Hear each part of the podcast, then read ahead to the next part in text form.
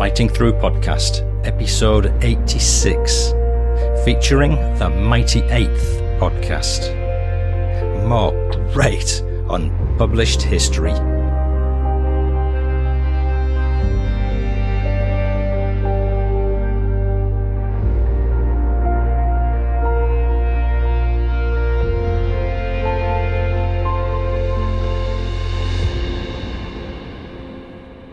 Hello again, and another exciting World War II welcome to the Fighting Through Second World War podcast. I'm Paul Cheall, son of Bill Cheall, whose World War II memoirs have been published by Pen and Sword in Fighting Through from Dunkirk to Hamburg. The aim of this podcast is to read family stories, memoirs, and interviews with veterans in all the countries and all the forces. I dare you to listen. I am so chuffed with the material I've got lined up for you in the coming weeks. Uh, firstly, after a lot of work, I finished narrating the audio book Save the Last Bullet. And next episode, I'm going to be giving you a sneak preview of it, based on the now published book about the German boy soldier you first heard about in episode 69. So, so that's Save the Last Bullet. And today, I'm bringing you a preview of a brand new podcast all about the United States Air Force in the guise of the Mighty Eighth and their role in Britain during the war. As a prelude, I'm going to chat with Johan, one of the hosts. So, in the same way as I've done on other occasions, I'm guesting episode one of the Mighty Eighth directly onto the Fighting Through feed. And I thank regular contributor to the show, Derek Whittle from Manchester, for bringing this excellent podcast to my attention. I'm also working on an episode on a Green Howard's memoir I've stumbled upon with insights into Sicily and more from soldier Alf Blackburn. More on that soon. For now, over to the Mighty Eighth podcast, which tells the story of people, planes, and places of the United States Eighth Army Air Force during World War II. Arriving in England in 1942, the USAAF 8th Army Air Force was the biggest air armada of all time, capable of sending thousands of planes on a single mission co hosted by UK based journalist Johan Tasker and military historian Mike Peters, who both live in Suffolk, UK. This podcast tells the story of the Mighty Eighth. Here's host Johan Tasker to talk to me, and I offer him a warm fighting through World War II welcome. I started by asking Johan about his background and how the pod got started. Well, I'm an I'm an agricultural journalist, believe it or not, Paul. And uh, this idea came about during lockdown. I was right. going for walks. So I was quite. There wasn't much to do, and uh, as I was doing my walks around my local village, um, you get bored, and then you go further and further afield. And I ended up sort of walking around airfields and encountering memorials, and there were sort of memorials that I'd seen time and time before, but never never really taken too much notice of them. And um, I put a post on social media wanting to talk to farmers who farmed land yeah. uh, where the airfields were. And uh, one of the, I, I, got a really good response because I think a lot of these airfields they came from farmland, they've been, been returned to agriculture, and I think a lot of farmers see themselves as custodians of uh, of the airfields and, uh, and what what happened there. And one farmer said to me, he said, you, you, you need to get in touch with, uh, with uh, my near neighbor, Mike Peters. He's a, he's a military historian. Yeah. And, um, so I contacted Mike and, um, I sort of, we, we got chatting and we hit it off and uh, I said, I'd like to do a podcast or something about, uh, about the Mighty Eighth. And, um, that's really where the idea came from. So Mike and I started out, um, doing these episodes, and he's he's really Mike's the expert. He. He's the expert, and I'm the layperson. I think you're good at asking educated questions for what it's worth. So you don't, you don't come across as a total numbskull by any stretch. the thing is, I, I've spent months and months researching this stuff and just reading about it because I think the more you read about it, the more fascinating it is. And for me, it's a, it's about the people and they had such a huge impact. People yeah. talk about the special relationship between Americans and Brits. And I think in this instance, there really, really is a special relationship for the people and the families the yeah. second and third generations who are now coming back and uh, and the people in eastern England welcoming them back with, with, with open arms. Yeah. About two thirds of our listeners, um, about 60% of our listeners, two thirds are, are, are in the States. And, um, you know, it's a real privilege to be able to do stuff and then have it listened to thousands of, of miles away. And all of this stuff is on our doorsteps.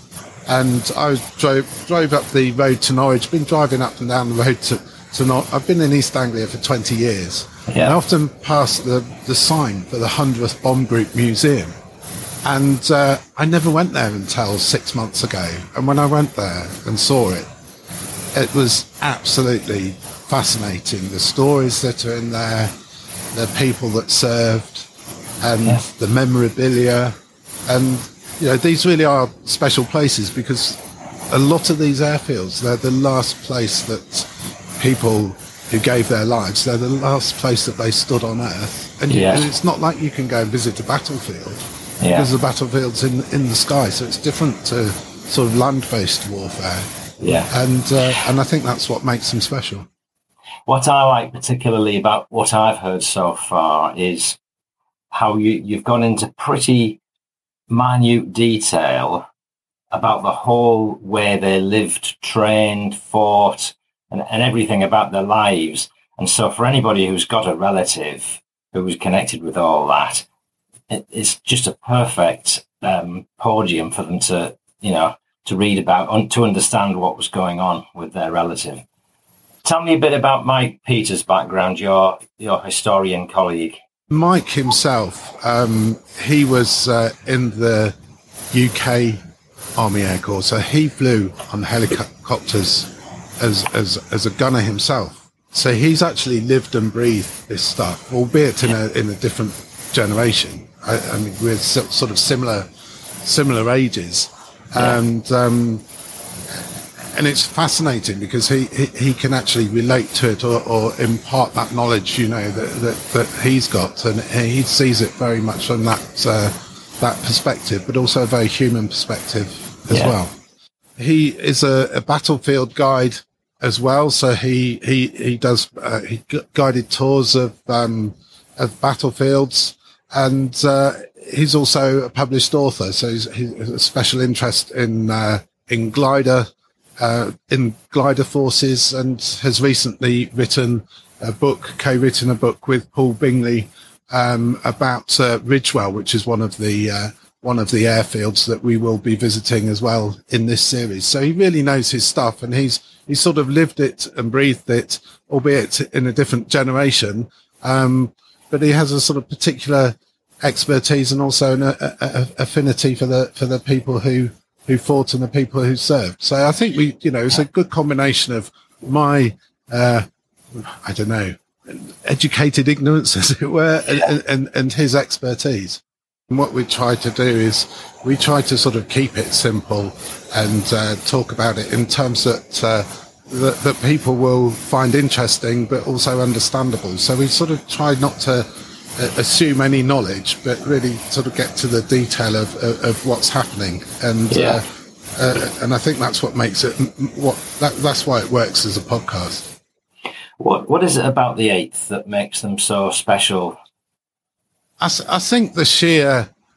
Um, I, I think what they actually did. I mean, from arriving in England in 1942 with a few planes, over the next couple of years, they they became what was the biggest air armada of all time. So nothing like it had ever been seen before, and nothing like it has has ever been seen since. So there was sort of two hundred thousand people here with more than two thousand heavy bombers, these four engine bombers, yeah. uh, and they could they could get them in the sky all at once and target occupied Europe. And uh, I think that it's that whole logistical exercise and, and also the, the, the sheer cost in terms of human life that, uh, that, um, that, that, that, was expended. So 26,000 war dead and, and missing in action. So it's an amazing story. Gosh, 200,000 Americans over in East Anglia. Yeah. yeah. So yeah, two hundred thousand. I mean, there were there were more. If um, there were more in terms of the numbers of people that were here um, going over for Operation Overlord and for for D Day. But yeah. yeah, yeah, wow. Okay. Um, how many episodes you, have you got planned in the near future? We're looking initially to do 10 and then we're all going right. to take a break because we found it really, really exhausting to actually plan all these episodes. and, um, and we've both got day jobs as well. Yeah. So yeah. It, it, it's, it, it, it, takes a lot of planning and we recorded the second one that we recorded. By the end of it, we, we spent a whole morning, uh, at, uh, Parham Airfield Museum and we were shattered at the end of it because you're just trying to think about what you're saying and make it interesting uh, yeah. and, and, looking after the technical aspects. So we're looking to do 10 and then we'll take yeah. a break. But and then maybe, not, would you think then have you scoped what the 10 are going to be about? A little bit, a little bit. Yeah. I mean, we'd like to go, to, we're going to go to the uh, American Cemetery at Madingley and, uh, and hopefully record an episode there. I think one of the things that we'd really like to do is look at it from the other angle as well. So uh, the first episode is all about the bombing mission uh, over Rouen in France. Yeah. And we, one of the things we'd like to do is uh, speak to a French historian and look at it from the French receiving end. What was it like to be bombed? Uh, even, even though they were our allies, they were occupied and uh, and their town, their city got bombed. What was that like? And we would like to do the same in Germany as well. So wow. uh, to to sort of show the show the story, do the story from from from all sides. That would be terrific, fabulous. And then if there's a, a season two beyond that, would that be about the eighth? Do you think? It will it will be about it will be about the eighth. So the whole of this the whole of this series will be yeah. about the eighth yeah. Air Force. Um, you wouldn't right call it the Mighty Eighth, otherwise, would you? You'd call it the Mighty Eighth, etc., or something. We did, we did struggle with the name. We thought, you know, and in the in the end, um, I thought, well, you know, it was difficult to decide what to call it, and I thought, well, why not just say what it is? And it is about the Mighty Eighth, so yeah. I thought we'd call it well, the Mighty Eighth podcast. That's good. And I love your artwork, by the way. Simplicity in the, the essence of simplicity with no words, just the picture. But that tells us you, anybody who likes aeroplanes, they'll just, oh, well, that'll do me. Come we straight in for it. And, and that's we we recorded the first episode and we realised we haven't got a photo of either us together uh, of us oh. together. So maybe that will change, but yeah, yeah. but it will probably uh, be the ah. background. Good. Well, all I can say is good luck with the rest of the season, Johan, and um, I'm sure it's going to work out well for you. Really Your kind. historian colleague, what's the? Just remind me of the book he's got out. The book that Mike's written is called Bomb Group: The Eighth Air Force's 381st and the Allied Air Offensive over Europe, and that's written by another uh, another military historian called Paul Bingley. Yeah. And they've written, written it in tandem. They've written it in tandem, yeah. Okay, yeah. all right. So again, uh, I think Paul has Paul has told the story about the people, and Mike has uh, done the um, well as a as a Mike, Mike's done the, the, the military aspect of it, the, the the the bigger picture sort of stuff. Okay, all right. Excellent. Okay, Johan. Well, we'll we said this was going to be a, just a, a, quick catch up to uh, set the scene, so I, I, think we've probably done that. So we'll we'll say um, toodle pip and uh, speak to you again soon. Thank you very much. Thanks very much for your great. time. Appreciate it. That's it. You're more than welcome. Thank you. Many thanks again, Johan. That was fascinating stuff indeed. And I will apologise for the quality of the sound on that recording. It was down to some technical difficulties um, caused by me. Um, we're now going to hear episode one of the Mighty Eight podcast called The Bomb Run.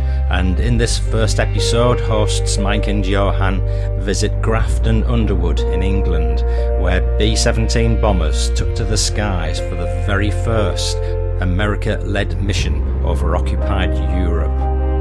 It's a long intro, but my, what a great scene setter, and a bit of history thrown in about what was the very first mission of the 8th to bomb railway marshalling yards at Rouen in France. Enjoy.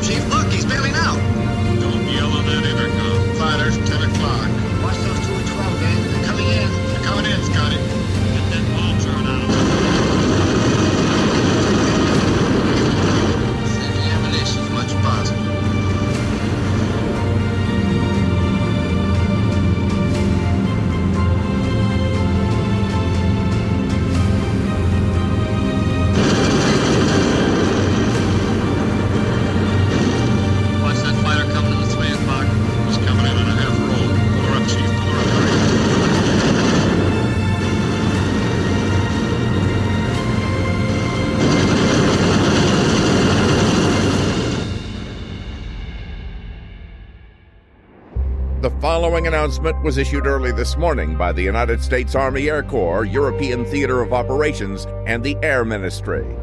United States Army Air Force's Flying Fortresses, B 17s, escorted by Royal Air Force, Dominion, and Allied fighters, made a high altitude attack upon the railway marshalling yards at Rouen late yesterday afternoon. The attack was successful, all fortresses releasing their entire bomb loads on the target. Enemy pursuit planes were encountered, and one was shot down by a gunner of a flying fortress. Brigadier General Ira C. Eaker, commanding General United States Army Air Force Bomber Command, led the attack in a fortress. Meanwhile, other escorted fortresses were conducting diversional operations. All of the fortresses returned safely. Two escorting fighters are missing. Welcome to the Mighty Eights podcast with me, Johan Tasker, and military historian Mike Peters. Season 1 The Bomb Run. You've just heard the official joint statement by the US and UK governments following the first American led bombing mission over occupied Europe during World War II.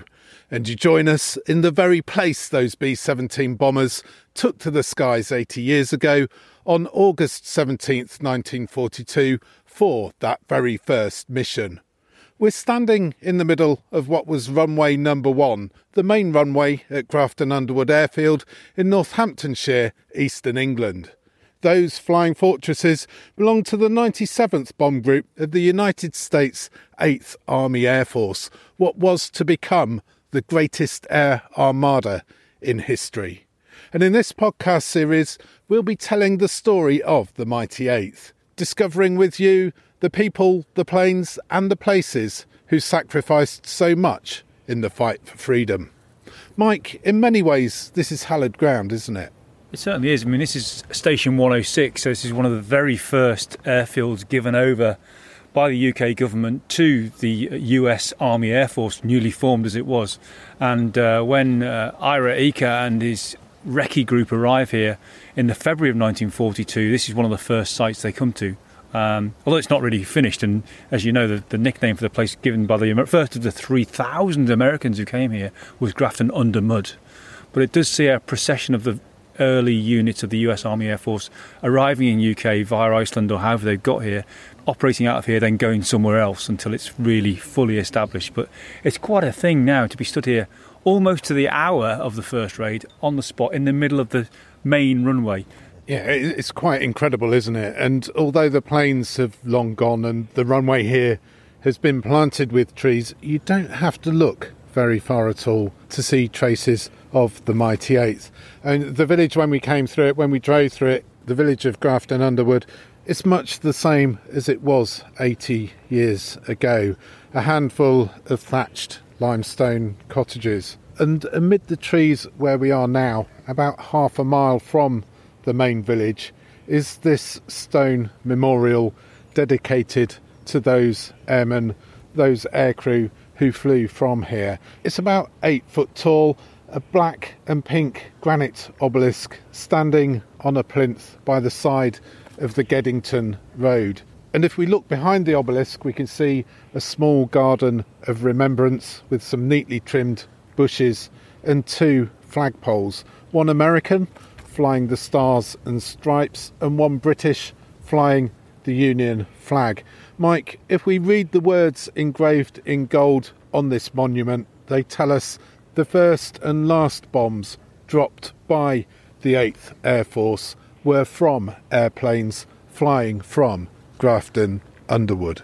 Although this significant memorialist, really to the 384th Heavy Bomb Group, it does mark a significant airfield that stands out in amongst the whole narrative and chronolog- chronologic timeline of the 8th Air Force in England. And why Grafton Underwood then? Why would they build an airfield here?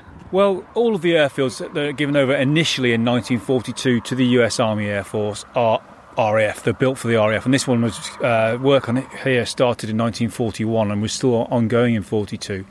And they're built to bomb Germany, which is great. You think, oh, that's pretty logical. But the pre-war doctrine before Britain started rearming was that France would still be in the fight, Belgium would still be in the fight, and the Netherlands would still be in the fight. So we would be bombing from the east side of England into Germany, uh, not not bombing into what would become occupied Europe.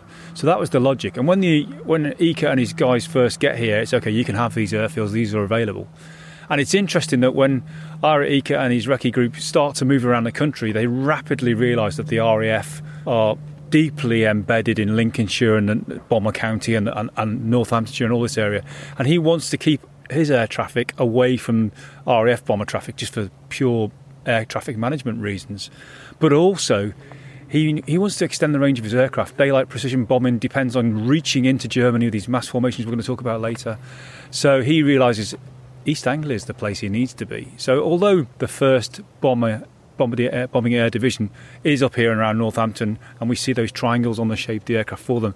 Really, the centre of mass will become East Anglia, but that's not yet. We're here in 1942, uh, in the summer of 42, and that's all yet to come. So that's why it's, it's quite quite moving to be here on, on this day, this date, to talk about the very first raid.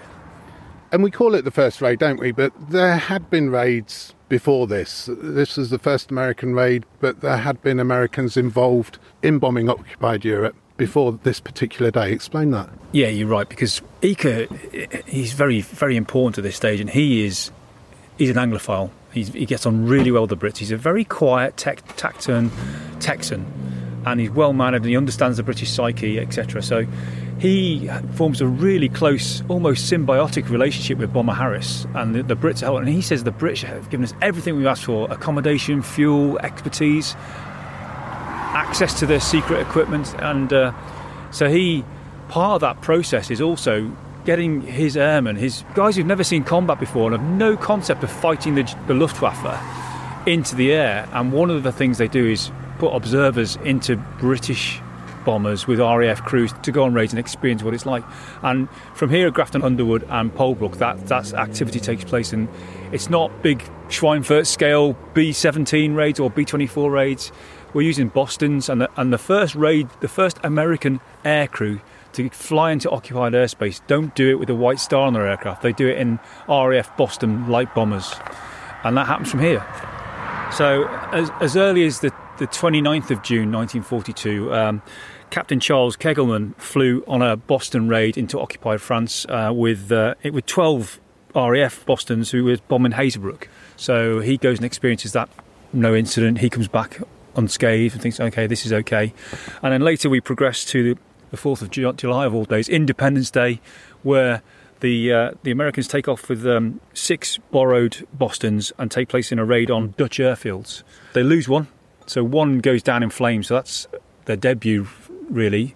And uh, Kegelman is wounded, and uh, so one, one, one aircraft's missing in action. So that's a welcome to the realities of, of the air war over occupied Europe. Quite literally a baptism by fire, almost. Literally, yeah. It's interesting because that would be that's a daylight raid. This is the RAF doing light daylight raids still in, in, in 1942, and the fighter sweeps are going on. So the war is, is changing, and the Americans have got this almost zealous belief in daylight precision bombing. They can't wait to get going, and but they need the aircraft to do that, and that's going to be initially the B-17, Model E's and Model F's initially, and it'll be F's that fly from here. So we're going to talk about the difference in strategies between the RAF and the United States Army Air Force a little bit later on. I mean, it's obviously symbolic that 4th of July raid mm. chosen to be Independence Day. But they were under a lot of pressure to get things off the ground properly and do their own all American led mission using their own B 17 planes to show they were capable of doing it themselves and show the folks back home that they could be successful.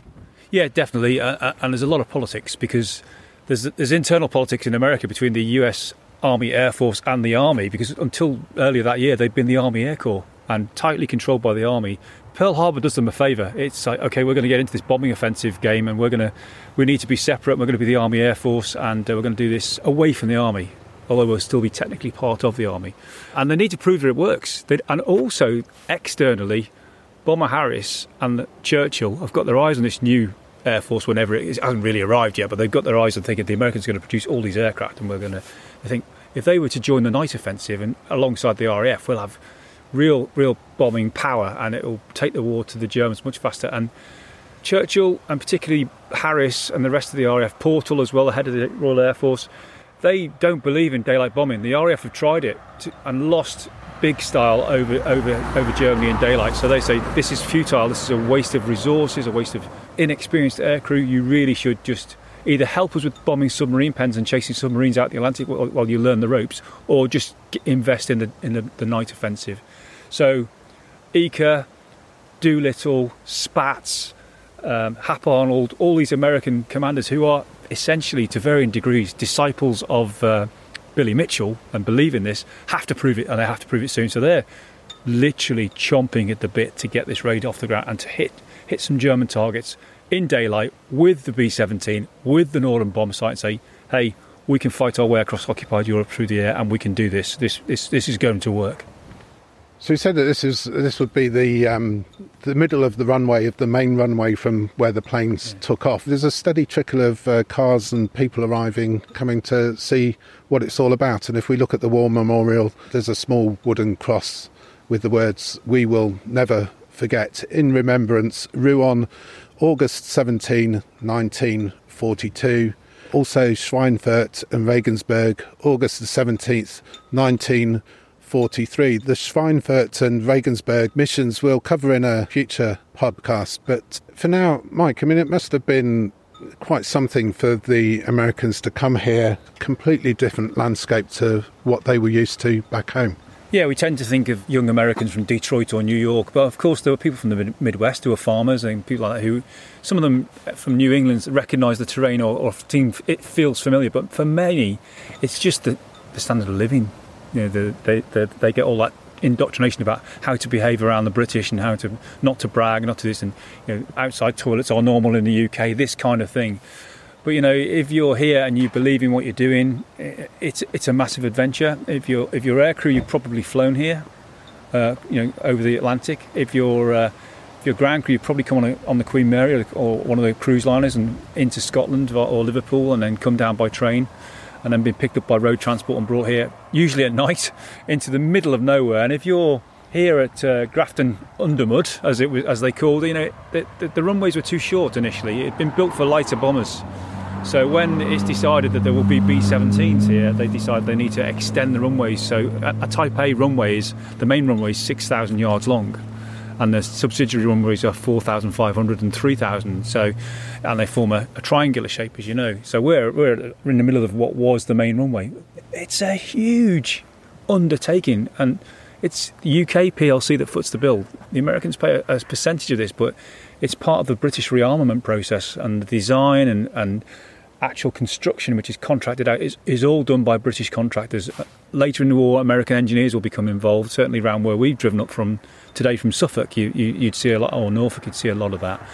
Uh, but initially, these, these pre wartime airfields are a significant investment uh, by the UK and the Americans who arrive at Grafton Underwood these are this is not a pre-war permanent airfield. A lot of the accommodation is wooden and canvas, wooden frame with canvas covers. This is you know even now in August we're we're feeling the chill a bit with the rain etc. and the extremes of weather. And we mentioned earlier about the June and July fourth raid.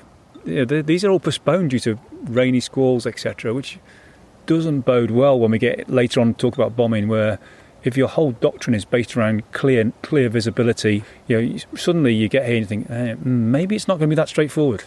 Well, straightforward it certainly wasn't. Everyone from that first Rouen raid returned safely to Grafton Underwood, but that wasn't always the case for the missions that followed. We're going to leave the airfield now and take a short drive to Grafton Underwood Village Church, the Church of St James the Apostle. And when we get there, we'll be able to discover some more about the people, the planes, and the places of the Mighty Eighth.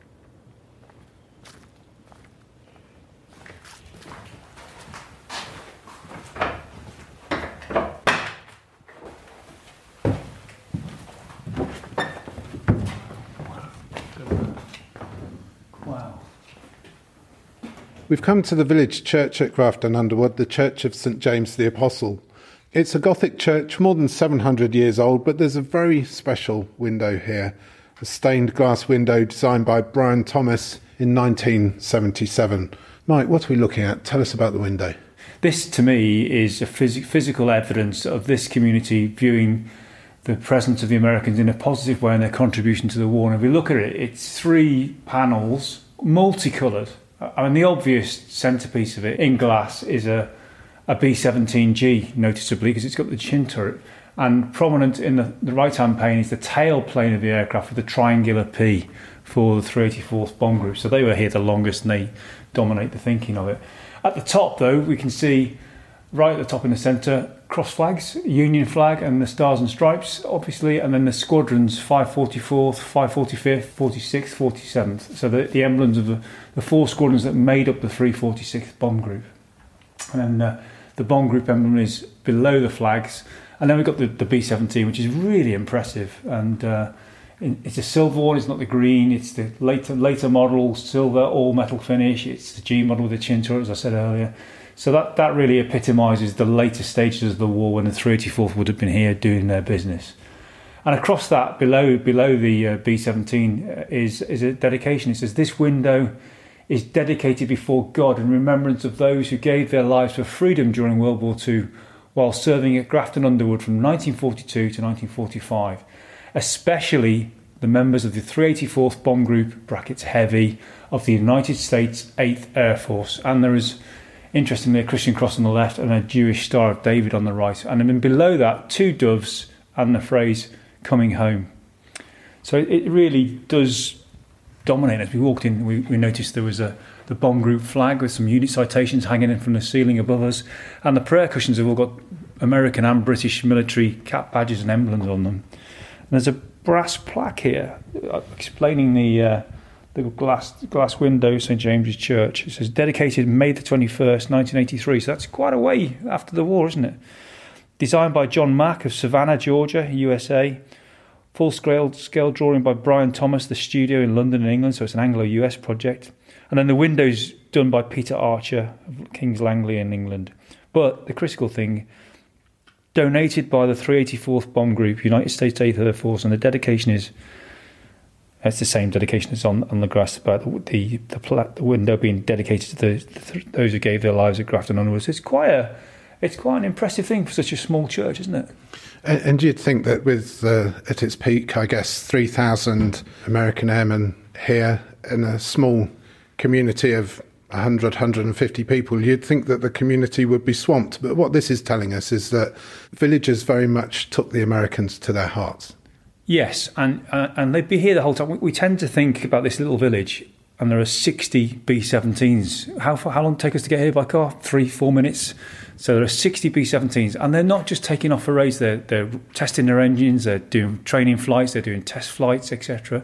There's road traffic coming in and out. They're doing resupply, bringing in fuel, bringing in spares, taking guys out to railway stations to go on leave in London or wherever they're going. So this would be they'd be omnipresent by day and by night. And of course, we, we read about the partying and, we, and the uh, GI brides and all. But there's more than that. You know, you, so many Americans were not that kind of person and would would have come to church here on a Sunday. So it's such a church orientated society in parts, or some of the states of America. that This would this would have been quite busy with Americans coming to the church, using the local facilities. They'd have been everywhere, jeeps on the road, etc.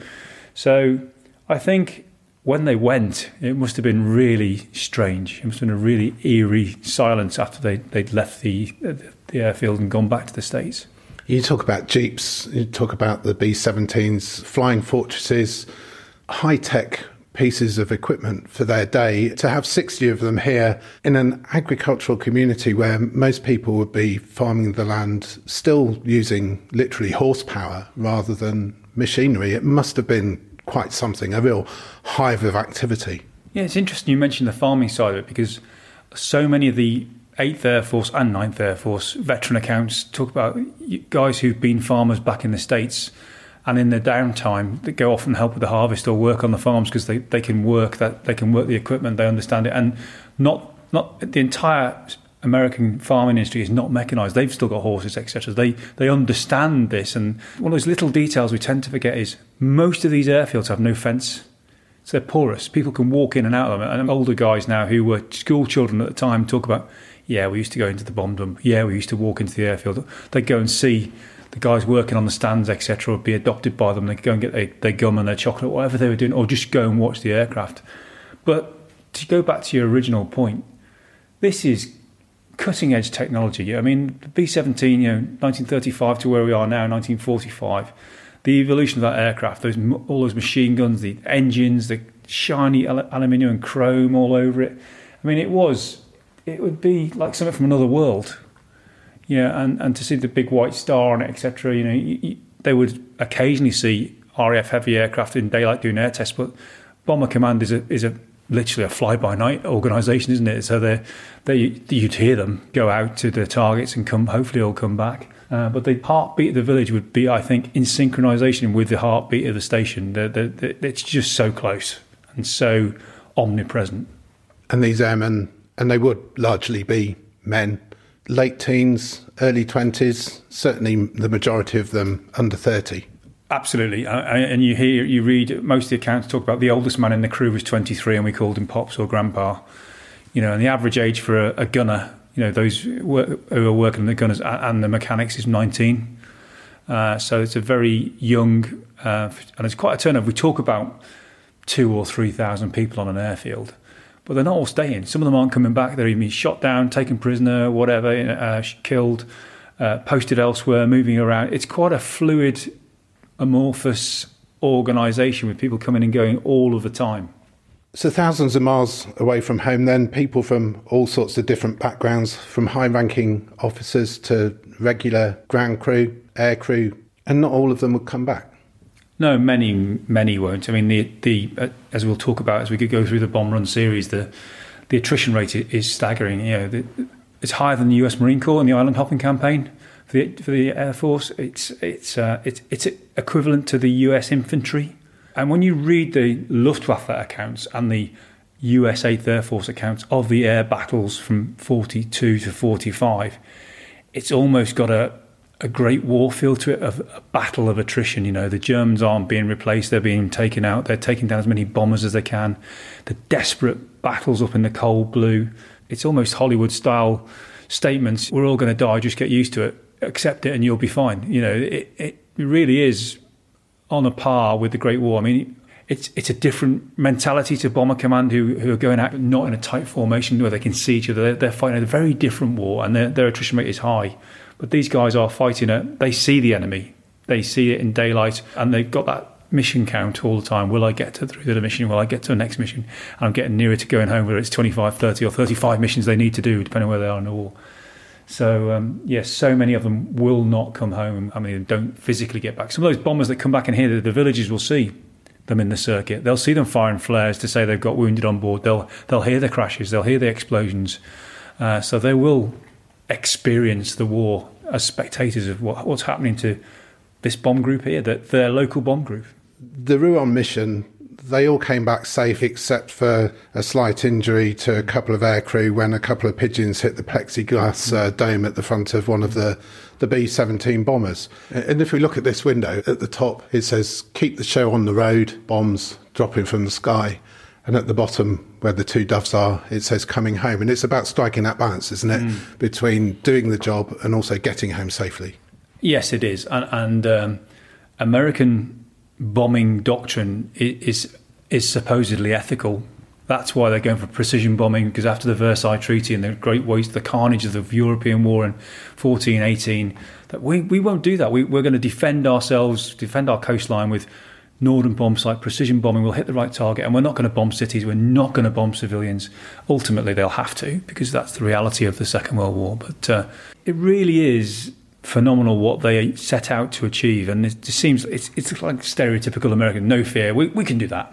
You know, because this doctrine that they've got about daylight precision bombing and, and targeting, precision targeting, taking out particular railways or fuel or whatever they're doing, but they're gonna they're gonna batter their way through with all these with their fortresses and their liberators and in tight formation. It's a it's a very different mentality of, and you have to wonder, is that because they didn't suffer the way that everybody else did in the Great War, that they're not averse to casualty loss, whereas the the British and the Royal Air Force and the, and the Army and the Royal Navy are, you know, are definitely in the steel not flesh frame of mind. Let's not let's risk minimum life and let's not take casualties. But and how much of it, as we'll find out as we go through the podcast series, is, down to hanging on, clinging on to that doctrine and proving it, or, or is it or is it valid? And, You know, keep the show on the road. Yeah, showing bombs is, is yeah, we'll, we'll fight our way through, we'll hit the target and we'll come back, and, and nobody's going to stop us. But it, and it will be the right target. We're not going to bomb innocent civilians because that's that's counter to our our perception of what war should be like in 3945. Let's go back to the airfield then and discuss the strategy behind these uh, bombing raids, behind these missions, and look at uh, why Rouen is such uh, an important mission in World War II.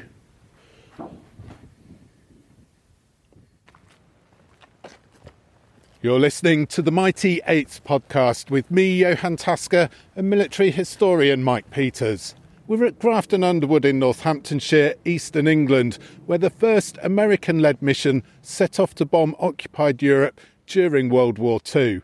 That very first All American mission took place on August 17, 1942, and it targeted the railway marshalling yards at Rouen, northern France, in broad daylight. Now we've returned to the airfield here at Grafton Underwood, walking along a concrete track to reach the operations room, the ops room, the briefing room. Now, the very first ops room at the airfield here, where the 97th Bomb Group who flew that mission were briefed before they set off, has long gone. The original building stood next to the airfield watchtower, or the control tower, demolished some years ago. And what we have here, what we're standing in front of, is its 1943 replacement. A flat roofed brick building typical of the ops rooms on many World War II airfields. And it has to be said, it's in a sorry state. A shell of a building, if you like, covered in graffiti, decaying brickwork, surrounded by weeds, piles of rubble, and mounds of earth. But it is, at least, still standing. Mike, the ops room was the nerve centre of the whole operation, and this derelict building still has very much a sense of place. Yeah, I mean, you're right. I mean, it's certainly showing its age and it's been neglected for a long time, but the, the functionality of it is quite clear. It's, you know, the very few windows, the location on the airfield map, it's in that crossover point between the domestic site where people live, eat, and sleep, and then get into the work site where the, the hard standings are, where the aircraft are, the transition from being in domestic site, going through the briefing cycle, preparing for a mission, climbing onto your aircraft and taking off and off to your target and then coming back and then reverse, coming back through those briefing areas to debrief and tell the intelligence people what you've seen, how you've done against the target, where your bombs went, etc. And these these buildings really are the linchpin of all of that planning and that command and control. And um, you know, this would be the building where the teleprinter would start tapping out the uh, you know, the night before or even very early hours of the morning before a mission and say the target for today is Berlin or Bremen or wherever it was going to be. And this would be the place where the lead navigator, the, the, the ops op, main operations officer for the bomb group would be and would start to build the plan to, to tell people what fuel load they need to put on each aircraft, how many aircraft, what crews, what formation, who's going to be where. This is the brain of, of the bomb group. This is before they leave, before they take off. All that choreography, orchestration, whatever you want to call it, it all emanates from here on different phone lines down to the squadrons, out to the flight line, out to the hard standings, the engineers, the caterers, the you know the even the provost, anybody. It, it all comes from here, and this is where the group commander will be with his close-in staff who make the decisions of how the mission will be shaped, how the how the mission will be flown. The brains of the whole operation, then. Clearly, yeah. So uh, it come down from 8th Air Force headquarters into the bomb group, the warning order, or the executive order as it's called, the field, the field order. As you said, the army roots of the Army Air Force. It's the field. You get the field order, which is the operational instruction for the mission, of you know where the target is, when you've got to hit it, what height you're going to bomb at, and all the rest. And then you work back from that how much fuel you need, what type of bombs when they need to be loaded, when the aircraft need to be online and ready to go, when they start their engines, because you can't be sat out on the runway running your, en- your engines for an extra hour. You're burning fuel you're going to need over the target and to get you back. So it's all worked out to the minute, hopefully, in theory. And of course, the thing we are going to talk about a lot in the whole series, the weather. The Met forecast is going to come into here, so that will that will decide whether it's on or off, whether you can see the target. Because precision daylight bombing is difficult through cloud at the start of the war uh, and it will always be a factor. So the weather will be a huge factor in all of this. And there were a couple of false starts before they finally got going on the 17th of August.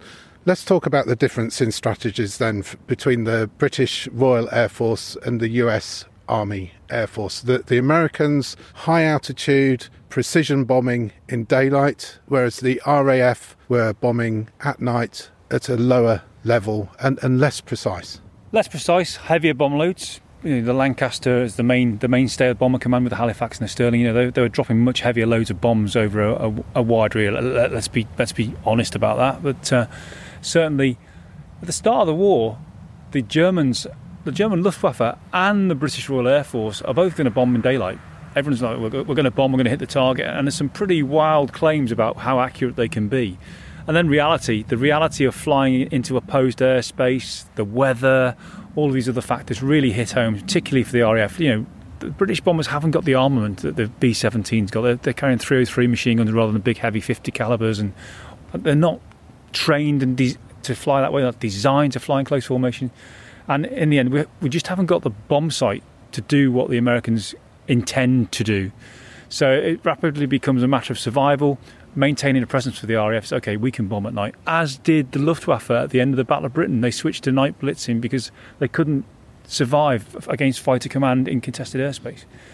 The Americans come at it from a different perspective. Some might say a quite naive or simplistic view is, okay, we are we must precision bomb. We're going to spend a lot of money on the Norden bomb sights so that we can hit the target you know the whole euphemism about yeah you can drop it in a pickle barrel you know you, you can do that if you can see the target and you've got this bomb sight which is essentially a mini computer which can calculate the drift and the bomb angle and etc for you and set all that up but they they say we're going to have to fight our way through there in order to do that we're going to we're going to have these combat boxes. We're going to fly in close formation.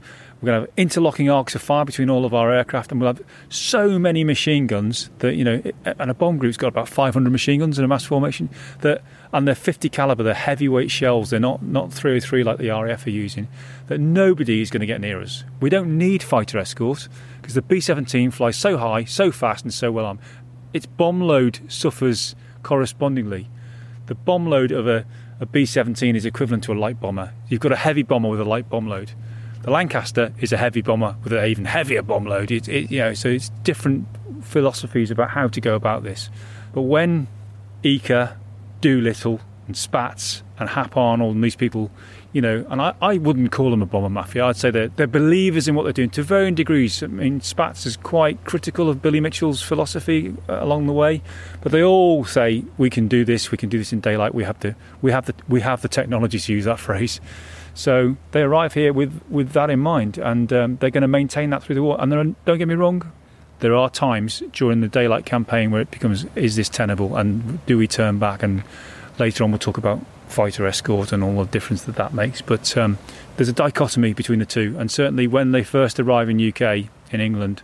Harris is saying, You really, really don't want to do this. You're going to lose a lot of aircraft. And of course, the RAF have tried to fly the Fortress with 90 Squadron and suffered quite badly, but they they helped to identify a lot of the faults of flying at altitude, bad weather, the icing up of guns, and all those other things that saved the 8th Air Force a lot of pain along the way because they, they get all this back brief from the Air Royal Air Force crews who've flown the Fortress over Germany in small numbers. They've not really tried to do what the US Army Air Force believe in this mass formation, these combat boxes. So in 42, everything seems possible. And that first raid from here, when they all come back, says, "Hey, what's the fuss about? You know, Yankee Doodle's gone to town. We've we've done it because that's what the the aircraft's called. You know, and, and Eaker's flown on the mission himself, and he's very keen to maintain close links with Bomber Command, but he doesn't want to get sucked into night bombing and being subordinate to them. The 8th Air Force is here to do its own thing in its own way. And they wanted to show that that could be done. They had something to prove, and ostensibly, from their point of view, that Rouen mission proved that they could do it. Yeah, I mean, uh, the initial plan, they're, they're quite realistic in their initial thoughts is we need to be battlefield inoculated. We need to fly some missions with the RAF. You know, don't forget that what will become the fighter groups. They can't fly the P-39 Airacobra. It's not good enough. They've got some P-38 Lightnings, but they're being equipped with Spitfire Mark Fives and they're flying with the RAF. Uh, fighter Command are actually controlling the US Army Air Force fighter groups at this point in the war, the early start of the war. They're they're taking part in that and the edict is that we will commence daylight bombing operations within the range of RAF Fighter Command escort. That's the start. It'll go beyond that very quickly, but at the start, it's okay. Let's build up some flying hours. Let's build up our credibility. Let's learn some lessons. Let's let's get go through the the whole cycle of what fuel to use, what bombs to use, how to fly, how to form it. Because you know, corralling all those aircraft and getting them all together in daylight. It might sound easy in daylight, but this is English daylight with cloud bases and weather changes, etc., and the same over the target. So it, they've got a lot to learn. They've, they've, done a lot of long navigational exercises across the United States and all that kind of thing. That's just a, this is a whole different ballgame. This is, as the American crest call it, this is the big league. So one of the pilots of the lead plane on this Rouen mission, Paul W. Tibbets, he's something of a poster boy for the US Air Force. Yeah, he is because Tibbets, as most people know, will go on to fly the Enola Gay and drop the first atom bomb. So he's got a remarkable record. I mean, if you track back to all of these prominent people at the start of the US Army Air Force experience here in Europe, we've mentioned Eaker, we've mentioned Spaatz, we've mentioned Doolittle. These these are the high rankers, but also Castle, Armstrong, people like that who come across, they come across as captains. And if you're going to grow an air force up to 60 groups in strength, you've got to find the experience from somewhere. So people are going to be pulled through and promoted very quickly. And um, Paul Tibbets, he comes across. He's on that first raid. He's flying a, a, Boston bomber, and he's been one of these pioneering pilots back in in the states. So they're called Eaker's amateurs because he also commissioned a lot of civilians who are experts in logistics and administration and all this. But you know, America comes into the war late, as we know but it's not unexpected. You know, even 1942, they've got about uh, 245,000 personnel across the air forces, 23,000 aircraft in existence. They're not all good aircraft, and it's interesting when you get to the end of the war, they've got 2.4 million personnel and 24,000 aircraft. So the number of aircraft hasn't changed much. The quality has changed, and that expansion in numbers is logistics, technicians, backup planning, etc. So if you're someone like Tibbets and you start the war as a captain, you're going to get promoted. If you're if you're good at what you do and you and you survive, you're going to get promoted. Eisenhower is a great example himself, and he starts the war as a colonel, finishes as a five-star general.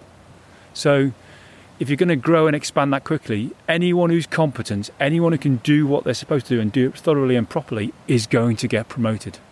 And there's something of symmetry then about Grafton Underwood. We saw earlier on from the War Memorial that the first and the last bombs mm. dropped by the 8th Air Force were dropped by planes that flew from here. Yeah. And then you've got the whole American involvement in the air war is, bookended by Paul Tibbets, who pilots the plane yeah. that drops the first bombs on that Rouen mission, but also right at the end of the war, yeah. he pilots the plane that drops the atom bomb and, he, and Hiroshima. And because of Hiroshima, he's singled out for that. But there are other people who do the whole I hate to use the word journey, but survive the whole war, you know, the whole all those years of combat, and, and people who do their complete number of missions and volunteer for more and come back, you know, uh, uh, or or transfer to fighters or, or whatever. And, and, you know, let's not forget that there are so many bomb groups. They start off with a target of 60 groups, and 35 of them will be heavy bomb groups.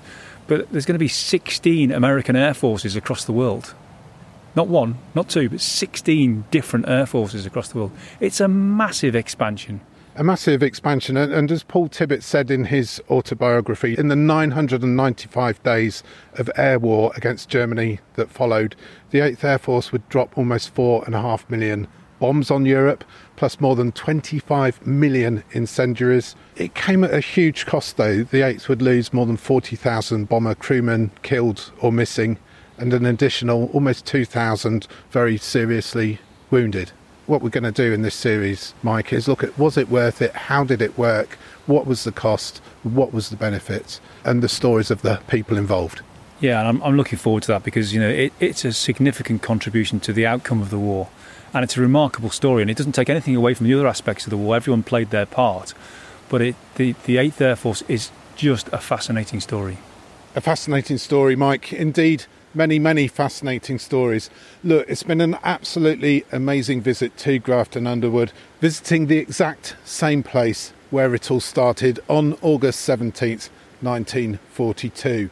But for now, that's about it for this episode of the Mighty Eighth podcast. Before we go, though, please do subscribe to us wherever you listen to your podcasts. And please, if you can, leave us a five star review. It'll make the Mighty Eighth podcast easier for other people to find and it'll help us reach more listeners. We've got lots more episodes in the pipeline, lots more fascinating and remarkable stories about the Mighty Eighth. But for now, for military historian Mike Peters and me, Johan Tasker, thank you for listening and do please join us again next time as we continue to discover the people, the planes, and the places of the United States 8th Army Air Force.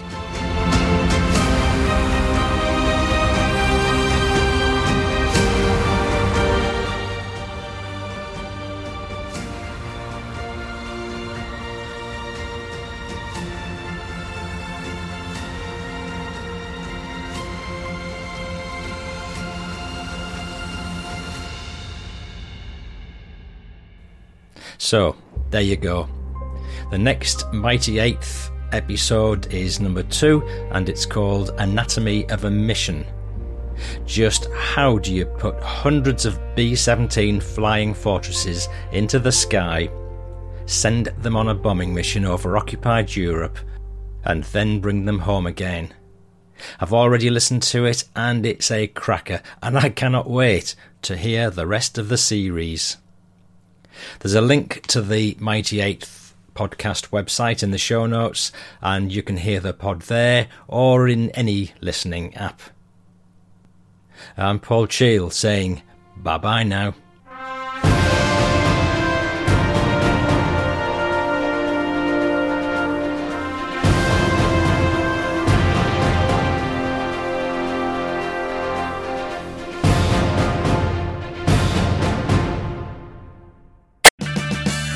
Purchase new wiper blades from O'Reilly Auto Parts today and we'll install them for free. See better and drive safer with O'Reilly Auto Parts. Oh, oh, oh, O'Reilly Auto Parts.